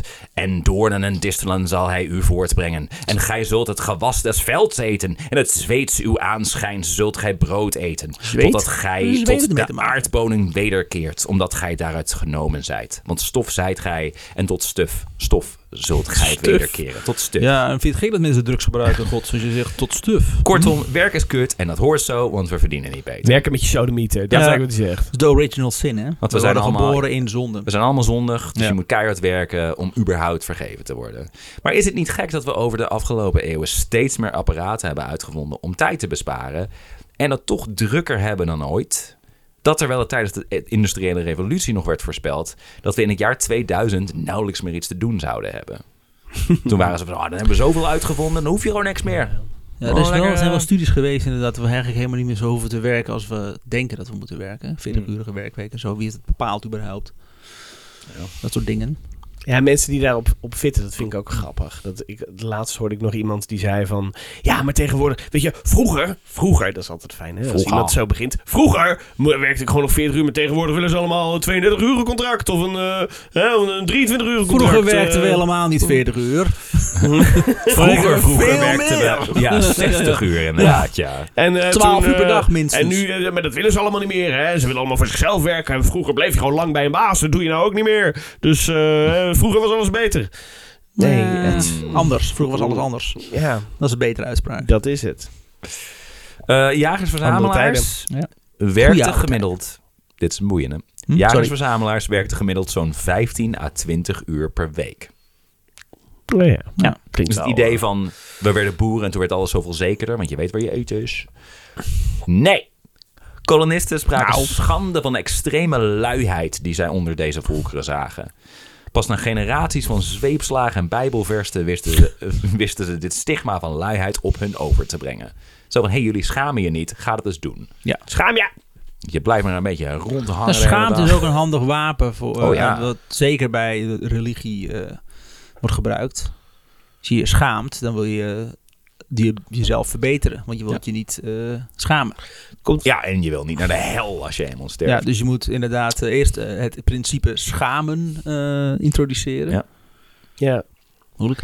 Komt ook voort misschien uit, uit dat het eh, ambitieloos overkomt. Zo van, maar waar doe je het Ja. dan voor? Ja, Dus- maar omdat dus mensen zoiets dus- hadden, zo van, we hebben, we hebben het toch prima, meer hebben we niet nodig. Ja, precies. Ja. Dus- ik een heel fijn idee Dat is dat je ja, zo kan denken. hè? Ja. Dus het is prima, dat is goed zo. Klinkt heerlijk. En dat iemand dan komt en zegt, nee, je moet je schamen. Zo van, Ja. we kunnen twee keer zoveel jagen en verzamelen. Dan hebben we twee keer zoveel eten. Ja, voor wie? en dan flikken we het merendeel weg. Want dat, kunnen we, dat krijgen we niet op. Dus, Moet je meer kinderen maken. ja. Nou dan. En dan, dan. moet je weer harder werken. Ja. En dan moet je weer meer Meer kinderen verzamelen en moet je meer, ja, maken. en, enzovoort. Ja. Welkom. Halleluja. Halleluja, Jezus Christus. Sommige huidige jagers-verzamelaars, zoals de Yaquanas in Zuid-Amerika, hebben niet eens een woord voor werk. Omdat ze het namelijk niet als zodanig ervaren. Jagen is niet voor niks nog steeds iets wat mensen doen voor hun ontspanning. En het verzamelen van fruit, zaden, insecten enzovoort is dan misschien minder spannend, maar ook dit doen mensen samen met hun vrienden en familie. Er wordt gezien als iets plezierigs. En belangrijker nog, ze voelen zich er nuttig door. En dat is niet te onderschatten. 20% van mensen in onze huidige wereld geeft aan dat hun werk, naar hun mening, geen enkele bijdrage levert aan de wereld. Oké. Ja. 20% van de mensen heeft zoiets van: als mijn baan niet meer zou bestaan, who gives a fuck? Wat ik doe de hele dag, 40 uur per week, Ja. is eigenlijk helemaal niet belangrijk. Ik heb namelijk zo'n baan gehad. Ik werkte op dat moment, het ging doen op dat Ze moment. luisteren lekker. lijn, toch? Nee. Ja, daar heb je zo vaak nog over gehad. En dan denk je, nou, eh, net hoe dood neervallen. Wat staat er maar nergens op dit? Die luisteren hier niet naar. dus het- Eikel ben jij. Eh, nee, maar ik heb, ik heb een, eh, eh, een tijdje deeltijd gewerkt. Dus ik werkte echt maar... Ik werkte ook 20 uur per week. En ik kwam fucking uitgeput thuis. Omdat ik namelijk vier uur lang naar een computerscherm zat te kijken. Dat ik denk van... Ik, ik, heb wel, ik heb dagen gehad dat ik alleen maar op Facebook zat. En dat, ik, ik hoorde daar niks van. Wat, wat Niemand voor, merkte wat voor dat. werk deed je? Het, ik was een planner. Maar ik heb wel zoiets van... Er zijn andere mensen die dit ook nog plannen. Dus als ik... AI kan dit inmiddels. Ja. Maar nogmaals, heel veel mensen hebben een baan waarvan ze het idee hebben... ofwel, wat ik doe, maakt niet zoveel uit... ofwel, ik werk voor een bedrijf wat de wereld actief slechter maakt. Gelukkig, Dus... gelukkig niet. En het gebrek aan Nee. zin, inderdaad. Dat, Ja. het, dat is fucking slopend. Demo's. Ik werk Ja. wel graag. Ik ben, eh, ik, als ik, eh, ik heb natuurlijk een aantal keer ook werkloos thuis gezeten. Daar, werk, ik Mhm. niet, daar werk ik niet eh, vrolijk van. Nee, nee, nee. Maar ik bedoel, kunnen werken. maar, dat is het, maar dat is het punt dus ook nog een keer. En daarom zijn sommige mensen tegen het basisinkomen. Zo van, oh ja, want dan werkt niemand meer. Nee, Nee, want, want- iedereen wil werken. Ja, iedereen wil Ja. werken. Net zoals de jagers-verzamelaars vonden het fijn om te gaan jagen, want dat is Ja. spannend. Vonden het ook fijn zo van, wow, ik heb ineens veel bessen gevonden. Kijk nou, gaan we lekker eten vanavond. Jee. prestatie. Eh, ja, fuck, je toch allemaal iedereen dood. het Want er was wel degelijk status. Je bent iets aan het... Aan het, aan het Ja. eh, je bent eh, onderdeel van een, van, een, van een maatschappij, van Ja. een groep. Best trots zijn op je werk. Ja, precies. Er was, eh, wat ik zeg, er was status. En status was een- meer een soort van populariteit. Zo van, wauw, hij kan goed, goed jagen, cool. Ja. Maar als hij dan vervolgens ik- ging van, hé, hey, ik zou de baas moeten zijn. Dan was het een. Zo'n uitspraak van ik werk om te leven, ik leef niet om te werken. Ja. Nou, dat is een beetje wat je hier dus eh, Dat. zegt. Maar dan eh, korter en bondiger en zo. Je had er inderdaad niet drie uur voor nodig, nee. en dan hebben we het nog niet eens echt gehad over seks. Oh. Oh, laten we het er alsjeblieft niet over hebben. Want of we nou meer op bonobo's of chimpansees lijken, het feit blijft, we neuken echt veel te weinig. Deels door schaamte, wat door religies in onze Ja. samenleving is Ik had het zo mooi gevonden als je daar was gestopt. Neuken We neuken veel te weinig. Tot Volgende week. Huishouden we mededelingen. Mijn slotzin heeft er wel mee trouwens. Ja. Dat hoor je toch zo. Ehm, dus ja, de schaamte dat door religies in onze samenleving is gepompt en door de seksuele Ha, re- gepompt. revolutie slechts deels is verholpen. Maar ook omdat vrouwen ontzettend voorzichtig moeten zijn met wie ze seks hebben om hun vrijheid en veiligheid te bewaken. Ja. Oh, Nogmaals, voorheen leefde je in een groep van niet van 50 man. Iedereen kende elkaar. Eén groot orgiefeest, altijd Nou ja, bijna swingerfeest. wel. Maskers en crèmes. toch? Nee. Ja. Vanilla Sky is het. Ja, toch? Ja. Oh, jezus. Eh, de mens is van nature niet monogaam. Nou is monogamie op zichzelf niet schadelijk. Je zou het kunnen vergelijken met vegetarisme. Prima, zolang dat een persoonlijke keuze is die niet iedereen wordt opgelegd. En er voldoende vleesvervangers voorhanden zijn. Maar dit was in het verleden lang niet al het geval. Machthebbers hebben mensen eeuwenlang seksueel uitgehongerd. Nou, de machthebbers zelf hadden dan wel weer seks met ja, die alles hadden seks wat. zat Ja. inderdaad. Dat was het probleem niet. Geen, geen, eh, hoe heet die hier, Genghis Khan? Die, Die, eh, die heeft ook aardig ja. zaad verspreid Die over de wereld. Je had wat zaadhoop Ja, op de nou, wereld. man. We doen er vaak een beetje lacherig over, mensen die seksueel gefrustreerd zijn. Zeker bij pubers. Pathetische hormoonmonsters zijn het. Ha, hilarisch. Maar we we verge- vergeten daarbij hoe we ons zelf toen voelden. Allereerst moeten pubers dealen met het besef dat de samenleving waar ze deel van uit gaan maken op allerlei manieren niet klopt. Zoals we de afgelopen paar uur hebben besproken. Of ze het nou zo onder woorden kunnen brengen of niet, ze voelen het vanaf die le- levensfase wel aan. En ze hebben het nog niet gerationaliseerd, zodat wij dat allemaal hebben moeten doen voor onszelf. Dat is nogal wat. En dan is er ook nog eens niemand die je aanraakt, terwijl je dat harder nodig hebt dan in welke andere tijd van je leven. Voor de meeste mensen is er een periode van jaren waarin je geen fysieke intimiteit meer wil van je ouders, maar er ook niemand anders is waar je dat van krijgt. Weet je, weet je wat de gemiddelde leeftijd nu is in Nederland voor mensen die ontmaagd worden, zeg maar? Het, eh, 15? Ah, nee, ouders volgens mij. 18,6. Ja, ik wilde nog een getal roepen. Dat is hoog. Ja, jij wilde anderhalf miljard zeggen. Nee, ik zat eh, ze- 17, 18 jaar. Ja, het was, ik, ja. het was inderdaad 17 lange tijd. Het is, Ja. het is omhoog gegaan de laatste tijd. Hoe, oud, hoe, hoe oud waren jullie? 17. Eh 18. Eh George? 14. Zo. Ja, ik was heel vroeg. ik was heel vroeg. Eh, maar ja, nogmaals, er zijn, er zijn eh, inderdaad pubers die gewoon jarenlang g- nauwelijks fysiek contact met mensen hebben. Ja. En ja, ik snap wel dat pubers, sommige pubers ontzettend boos zijn en zich, eh they act out en eh Ja. redden wel. Er zit wel een hoop woede en frustratie in. Tegenwoordig heeft 16% van jongeren, dan hebben we het over mensen tussen 12 en 25, in Nederland serieuze suïcidale gedachten. Eenzaamheid en een negatief zelfbeeld zijn hierbij grote factoren die op hun beurt weer nauw verband houden met een gebrek aan seks. Een gebrek aan seks wordt ook in toenemende mate opgemerkt als een van de factoren bij school shootings en zelfmoordaanslagen. Jihadisten worden ook niet voor niks 72 maagden beloofd. Ja. Dus ik vind het wel allemaal belangrijk, want we doen er een beetje over. Zo van, ja, als je veel seks wil, dan ben je een beetje oversext. En uh, oh, je hebt, je hebt uh, tegen tijd niet geneukt. allemaal. Ja. Het is een basisbehoefte. Ja, ja, ja, fysiek contact, ja. Ehm, maar die dingen komt toch, uh, worden toch uh, gezegd uit ongemakkelijkheid. Ja, ja en, en, en Ja. Uit, uit een, een, een ouderwets standpunt dat seks geen basisbehoefte is, maar een soort van luxe of een privilege. Ja, het, is het bestaat eigenlijk alleen maar voor voorplanting. Ja. Zo wordt het uh, omschreven. Dus als je geen uit- kinderen wil, nou dan hoef je ook geen seks. Nee. Nee. Dus ja, het, ja. Maar wat hebben we nou eigenlijk aan deze wetenschap? Want elke, elke vorm van masturbatie is ook uh, eigenlijk een beetje zielig. Ja. Wordt heel lang zo omschreven. Als je Klopt, want dat moet krijgen, dan in een. Ja. Want dan hebben we weer meer, Ja. eh, meer, eh, meer, meer mensen om op het eh, veld te werken, zeg maar. Op het platteland te Ja, werken, nou, maar echt. Meer, meer BBB-stemmers. We, we zijn een beetje gefokt als, als, als paarden of kamelen, zeg maar, lange tijd. Zo van meer. BB beter. Meer, meer, meer. Maar wat hebben we nou eigenlijk aan deze wetenschap en alles wat we tot nu toe hebben besproken? We kunnen immers niet meer terug. Dat was tijdens de Big Freeze al te laat. En het is bovendien best wel deprimerend allemaal. Maar is het dat wel? Eindeloos veel filosofen en vooral theologen hebben beweerd dat de mens van nature slecht is. Egoïstisch, gierig, gewelddadig, oorlogszuchtig. Daar is ook genoeg bewijs voor. Maar dan wel exclusief uit de laatste 3% van ons bestaan. Bekijk je onze totale geschiedenis, dan besef je, er is niks mis met ons. De gruweldaden die je op het journaal ziet zijn naar mijn mening niet een afspiegeling van onze ware aard, maar de symptomen van een systeem waar we per ongeluk in zijn beland. Een systeem dat ons inferieure versies verkoopt van dingen die we voorheen altijd gratis waren. Een systeem dat afhankelijk is van constante exponentiële groei. En dat onze wereld inmiddels langzaamaan aan het opeten is. De mensheid heeft zichzelf 10.000 jaar geleden als het ware uit het wild geplukt en in een dierentuin ondergebracht.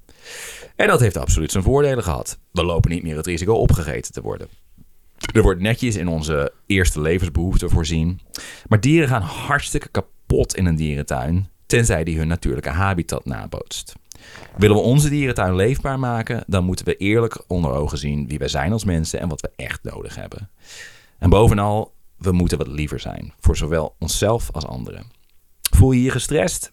Bedenk je dan dat je waarschijnlijk dubbel zoveel werkt als je verre voorouders. Voel je eenzaam? Mensen horen ook niet zoveel alleen te zijn. Worstel je met het ouderschap? Jij en je partner doen het werk bedoeld voor 14 man. En haat je je baas? Je zou er ook helemaal geen moeten hebben. Kortom, je bent niet gek. Het leven is zwaar. We zijn allemaal lotgenoten in dezelfde dierentuin. Onthoud dat. We zijn gemaakt voor orgies, niet voor oorlog. Bam! Dat was hem. Nice. Dat was hem. Dat was. Een mooie boodschap op het einde. Ja. Gemaakt voor orgies en niet voor oorlog. Ja? Eh, dat, dat klinkt goed, toch, Reem? Ja? Ik ben voor. Dus ik zou Goed, man. zeggen, microfoons uit en... eh, Eh, Glijmiddelen. oh, is dat- nee, dit, is dit was allemaal voorspel voor mij. Dit was allemaal... Ja, ik ben er sowieso voor, maar eh, ik wist niet dat dit het cadeau was voor Sjors. Oh, absoluut. eh, Ja. Oké. Nou, heel snel die huishoudelijke mededeling. Ja, eh, Nee, wacht even. Kunnen we dit nog even nabespreken? Van wat, hoe... ben- jij team Rousseau of Hobbes, eh, s- eh, Shorts ik ben inmiddels? sowieso, eh, sowieso eh, Rousseau was positief. Nee, was zelfs- Hobbes was positief. Nee, Nee. Nee. Jawel. Hobbes was Nee. positief over de Web samenleving. van leugens. Ja. Nee, we zijn als mensen, eh, maar we zijn door de samenleving zijn we... Ja. eh, eh, De samenleving die dat- zichzelf wel over de afgelopen Ah. honderd jaar, zeker in het Westen, aan het corrigeren is, inderdaad. Wij proberen op een bepaalde manier steeds meer als jagers-verzamelaars te leven. Eh, we proberen de wereld gelijker te maken en veiliger. Ik vind het Eh, moeilijk dat soort eh, standpunten te nemen. Want als je zegt van ik ben, ben je Hobbes of Rousseau, dan maak je het alweer een zwart-wit eh, kwestie. Terwijl er altijd heel veel grijsgebieden zijn. Nou ja, maar Je hebt mensen die zijn gewoon geschift. Die worden geschift geboren en daar zit gewoon. eh, die, die, die, die, dat boeit het ze niet of je andere mensen kwaad doet. Daar zit geen. Hmm. normaal, als je, als, als, als je een filmpje ziet van iemand die keihard voor zijn bek wordt geslagen, dan ga je Ja. je gelijk voorstellen: oh, hoe had het bij Oh. mij gevoeld? Ja. Oh. Is en die, en- fysieke en, die reactie alsof je figuren kunnen kijken geslagen, ja. naar, naar die films en denken: het boeit me echt helemaal niks. Ja. Sociopaten. Maar En de vraag is of het aangeboren is. Ja, Want dat is aangeboren. Er zijn aangeboren psychopaten, sociopaten ook inderdaad. Maar eh, de, de oorsprong daarvan wordt nog steeds heel erg, eh, er wordt nog steeds heel erg over gedebatteerd. En ik denk dat, er, dat het, het percentage mensen wat inderdaad een soort van, laten we het zo zeggen, slecht wordt geboren, echt heel klein is. Ik denk Ja, dat er wel heel veel heel erg klein. extreem beschadigde mensen zijn Maar, door eh, alles wat we hebben besproken. mensen, die dat, uren. mensen die dat hebben, kunnen, eh, eh, worden makkelijker een leider van een groep. Omdat het, het In ons, in ons reet. systeem wel. Maar ook Omdat toen. meedogenloosheid wordt beloond. Oké. In ons. Ik bedoel, maar geloof je dat niet dat het in onze huidige, in, in, binnen het kapitalisme, zeg maar, dat meedogenloosheid en alles ervoor over hebben om je doel te bereiken, dat dat wordt beloond? Oh, zeker. Maar dat had, vroeger heeft het ook effecten. Dus dan Absoluut, is de vraag... daar, daar moeten we het ligt, over want de, de vraagstelling was... eh geloof iedereen dat eh, mensen slecht worden door de samenleving? Mhm. En ik zeg, ja, maar je hebt, je hebt eh, psychopaten... en of je dat nou in pre, of je nou pre-samenleving hebt of in de samenleving... je hebt ze allebei daar. Ja. Nou, wat je bij veel... Dus en, en dan kun je ook nog gaan discussiëren... ja, wat is nou eigenlijk slecht? Hè? Wat is het concept slechtheid? Slecht Ja. is totaal Ja. subjectief, uiteraard. Ja. Maar wat je wel ziet, is dat de, de, de leden van stammen die neigen naar meer geweld, bijvoorbeeld, over het algemeen op, op, eh, op lange termijn uit de stam worden gezet. Of soms zelfs van een afgrond worden ge- gelazerd. Ze zoiets hebben zo van. Ja, we, we vinden het een beetje moeilijker met jou. Ja, maar, maar als jij inderdaad heel veel geweld... Jezus. eh, Een psychopaat betekent niet per definitie altijd dat het, dat het een, ge- een gewelddadige Nee. persoon is. Hij kan anderen aanzetten tot. Het enige wat je moet creëren is dat je, dat je een leider wordt. En dat je dus je eigenlijk je mensen zo Ja. ver krijgt dat ze zich voor jou eh, willen opofferen. Dan moet je dus behoorlijk berekenend zijn. Want over het algemeen zie je namelijk onder die stammen dat de mensen die, de mensen die het minst op zoek zijn naar macht en status, over het algemeen meer status krijgen. Ja. Dus dat is dan je weg. Eh, ja, dus dan moet je doen alsof, inderdaad. Ja. Dus dan moet je heel Dus dan moet je-. Dan moet je dus Kan. eigenlijk eh, de, moet je andere mensen zo overtuigen dat anderen heel erg op zoek zijn naar en jij niet. Maar je zegt dan dat ze sterven voor jou. Waarom zou iemand in een jagers-verzamelaars-groep sterven voor iemand anders? Wat heb je daaraan? Dan moet je geloven dat diegene Zodat jij- daadwerkelijk goddelijk is. Dat jij of niet dood bent. Dat jij niet Nee, doodgaat. dat, ja, ik snap dat, de, dat die psychopaat er iets aan heeft. Ja. Maar wat heeft diegene die zichzelf opoffert daaraan? Als hij gelooft dat de persoon die blijft leven eh, beter voor de groep kan zorgen dan hij. Dat gaat wel heel ver. Dan moet iemand zo inderdaad bijna goddelijk zijn. Dat, ze- dat, hoeft niet van- goddelijk te zijn. Het hoeft alleen maar te, de hele God-kwestie hoeft niet eens aan, aan, aan bod te komen. Het heeft er puur aan wat voor nut denkt, eh, denkt de opofferende partij dat de andere partij meer heeft dan hij zelf. Nou, ik, het, het, het, ik, geef het, ik geef het je te doen. om, om meerdere mensen ervan overtuigen. Van, ik ben zo belangrijk, ondanks het feit dat ik maar zoveel kan jagen, net zoals iedereen. Maar toch ben ik zo belangrijk voor deze groep.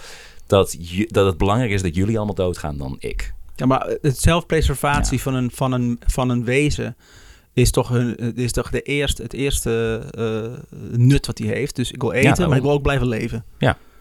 Dus en waarom zou ik eh, moeten sterven en zou, zou, we, eh, eh, zou hij niet dood moeten? Dus als je iets Mhm. hebt wat heel Maar, erg da- ego maar dat is, spreekt dus je een eigen argument tegen. Van waarom zou iemand zichzelf Nee, dan precies. opofferen Maar als je iets hebt wat, wat helemaal geen... Want als, je, als jij zegt van mensen leven in groepen, dan is de groep dus belangrijk. Maar als je er iets tussen hebt wat helemaal niet denkt aan de groep, maar heel erg aan zichzelf, Mhm. Dan is het toch makkelijker om andere mensen te- overtuigen dat ze het voor een groep En dat ook leven wat, moeten opgeven. wat mensen als Steven Pinker geloven inderdaad. Van op lange termijn kan eh, iets wat ik schets inderdaad niet bestaan. Want er komen er altijd mensen tussen die daar misbruik van maken. Net zoals dat Columbus zei van deze mensen zijn zo vredelief. Want die hebben we zo onder de duim. Want ze, ze verzetten zich nauwelijks. Ehm, in de praktijk is dat dus, gebeurt dat dus he- dus heel weinig. Omdat mensen wel degelijk aanvoelen zo van... er is iets mis met jou. Wij, moet, wij moeten jou niet. Dus die worden ofwel een soort van gecorrigeerd, zo van hé, hey, doe eens niet. En op lange termijn, ja, er is een soort van, er zijn stammen waar een soort van doodstraf is. Zo van, ja, het is beter als jij niet terugkomt van de volgende jacht, zeg maar. Dus er is een soort van Of dat altijd goed gaat. Ik bedoel, we hebben het over 300.000 jaar mensen en we hebben het over duizend verschillende groepen. Ja. Dus daar zal onder, ongetwijfeld. Maar de discussie begon over, is slechtheid in een mens, is dat, komt het door de samenleving? Of Mhm. is dat iets wat in een mens zal, al zal kunnen zitten? ik denk dat het dan- voor een groot deel cultureel bepaald is. En ik denk dat het veel meer nurture dan nature Slechtheid is. is natuurlijk heel erg een, is een moeilijk concept. Maar eh, Ja. als je iets hebt wat niet aan de groep denkt, maar puur aan zichzelf. Mhm. Ja. Het is wederkerig ook. Hè? Ik bedoel, mensen zetten zich ook heel erg in voor de groep. Want dan doen ze dat vervolgens ook voor mij. Dus inderdaad, als stel ik heb meer vlees binnengehaald op deze jacht. Ja. En dat deel ik met niemand. Nou ja, dan gaat niem- deelt ook niemand meer vlees met jou. Dus op lange termijn word je daar zelf slechter van. Dus ik denk dat de gemiddelde persoon op een gegeven moment wel in de gaten heeft van... Nou, ik moet toch maar delen, want... eh, Ligt eraan. Als je, ja. Ja. goed. Ja, dat goed Ja. slecht is. Ik vind het een interessante balans. Als in, we, hebben, we weten niet wat, wat goed slecht is. Ik denk dat we tot, Nee, ja. tot zekere hoogte altijd een beetje ons ego gestreeld willen hebben. En we willen, eh, kijk naar de mannen met de podcast. Eh, eh, en ik denk dat we, dat we altijd willen helpen. De veel, veel je hoort in veel grote bedrijven inderdaad. Ik denk dat dat ook een beetje is waar jij bedoelt, Remy. En zo niet, corrigeer me. Ehm, maar eh, ik, ik ken echt wel egocentrische, egoïstische mensen... die Mhm. gewoon groot zijn geworden puur door letterlijk over lijken te gaan. ja. Figuurlijk over lijken heen te stappen. Dus Nogmaals, die zijn er ook, ja. precies. Kapitalisme. Ja, dat is kapitalisme. dat is wat van alle kanten wordt aangemoedigd in Ja, ze, de psychopaten Dus ja. doen het heel goed in kapitalisme. Precies. Ja. Maar Ja. dat betekent niet dat zij zijn ontstaan door kapitalisme. Ja, dus dan is de vraag, Nee. zijn ze Ja. zo geboren of hebben Juist. ze dat... eh, En eh, ik denk dat er dus niet veel mensen zijn die zo worden geboren. Ik denk dat het merendeel daarvan worden aangemoedigd op een of andere manier. Ja, Misschien dat niet jouw, genoeg eh, contact, ja. vies, whatever.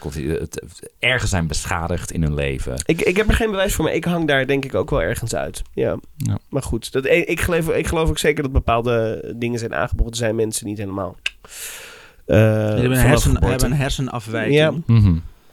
Waardoor ze geen... eh, Maar ik denk dat ook veel, Binding kunnen heel voelen. veel mensen gewoon echt heel naar zijn. Puur door wat er gebeurd is. En oh, zeker, dat wordt zeker gevoed. Ja. Het, is wel, het is wel echt een effect wat eh, tweeledig kan zijn. Ja. Psychi- psychische aandoeningen zijn trouwens interessant. Want daar was in het boek wat ik hier vooral voor heb gebruikt, was daar nog een heel hoofdstuk over. Maar ik vond het al lang genoeg. Ehm, hoe stammen omgaan met, met psychische eh, problemen. Dan hebben we het niet zozeer over sociopathie, dat soort dingen. Want nogmaals, in veel stammen worden die mensen eruit gezet. Ehm, maar bijvoorbeeld schizofrenie. Schizofrene mensen worden over, het algemeen de shamanen. Zeg Ja. maar de mensen die, con- die contact Klopt, hebben ja. met, met, met de geestenwereld. Ja. Dus die worden heel erg soort van gerespecteerd. Niet altijd, want je hebt ook heksen. Mm, dat is nogmaals dat anti-vrouwen. Dat is wel heel, heel erg iets wat uit, eh, uit de boeren voortkomt. Uit het, dan hebben we het over de, het agrarische wereld. Ehm, en zeker wat door het christendom natuurlijk heel erg kapot is gestampt. Eh, maar eh, ja, dus, dus eh, schizofrene mensen werden over het algemeen ook heel erg gerespecteerd. Niet per se 100% serieus genomen. In de zin van alles wat zij riepen moeten we dan maar doen. Maar wel van, oh deze mensen, daar is iets bijzonders aan deze Hmm. persoon. En dus niet van, hey, jij bent ziek en... Apart zetten in een hutje en niet terecht aankijken. Ja, precies. Isoleren inderdaad, dat is goed. Ja, niet voeren en af en toe meenemen. Af en toe luchten. Je, je vindt ook, ze hebben studies gedaan naar mensen die stemmen horen, zeg maar. Want dat vindt over de hele wereld natuurlijk plaats. En eh, dat in het Westen, dat die stemmen over het algemeen een stuk negatiever zijn dan in andere samenlevingen. Dat bijvoorbeeld in Azië, dat de, of in Afrika, dat mensen die stemmen horen, eh, over het algemeen meer stemmen horen van... eh eh, hey, je hebt het gas niet uitgedaan. Of eh, hey, eh, je, moet, eh, je moet even je kamer opruimen. In plaats van, maak iedereen dood, zeg maar. Dus omdat wij in het Westen stemmen, zeg maar, dat associëren als met zoiets naars, dat het zich snel, zeg maar, ook negatief, gaat uiten. Dus dat is ook heel interessant, vond ik. Oké, okay, dus hoop te verwerken. Ja, ja. ja. uh, zullen we nog even als afsluiter uh, oh. de... Uh, huishoudelijke de huishoudelijke mededelingen. Aan het einde van deze filosofische uh, aflevering van Goeie Ouwe. Uh, ga naar Vriend van de Show. Uh, geef een beetje geld, zodat wij afleveringen kunnen blijven maken. Dat vinden we super fijn. Laat een bericht achter. Laat ons weten dat je luistert, wat je ervan vindt. Ga naar Apple Podcast, ga naar Spotify. Laat een 5 sterren rating achter. Ga vooral naar social media, dat is zo goed voor je. Oh ja, en, ga naar social media, dat is echt super tof. Instagram zijn we op te vinden inderdaad. En daar vind je ook afbeeldingen en, van onderwerpen die wij bespreken in de afleveringen. Um, dank jullie wel. En willen jullie nog iets aan toevoegen, mannen? Nee. Nee? Oké, dan zeg ik tot volgende week. Tot volgende week.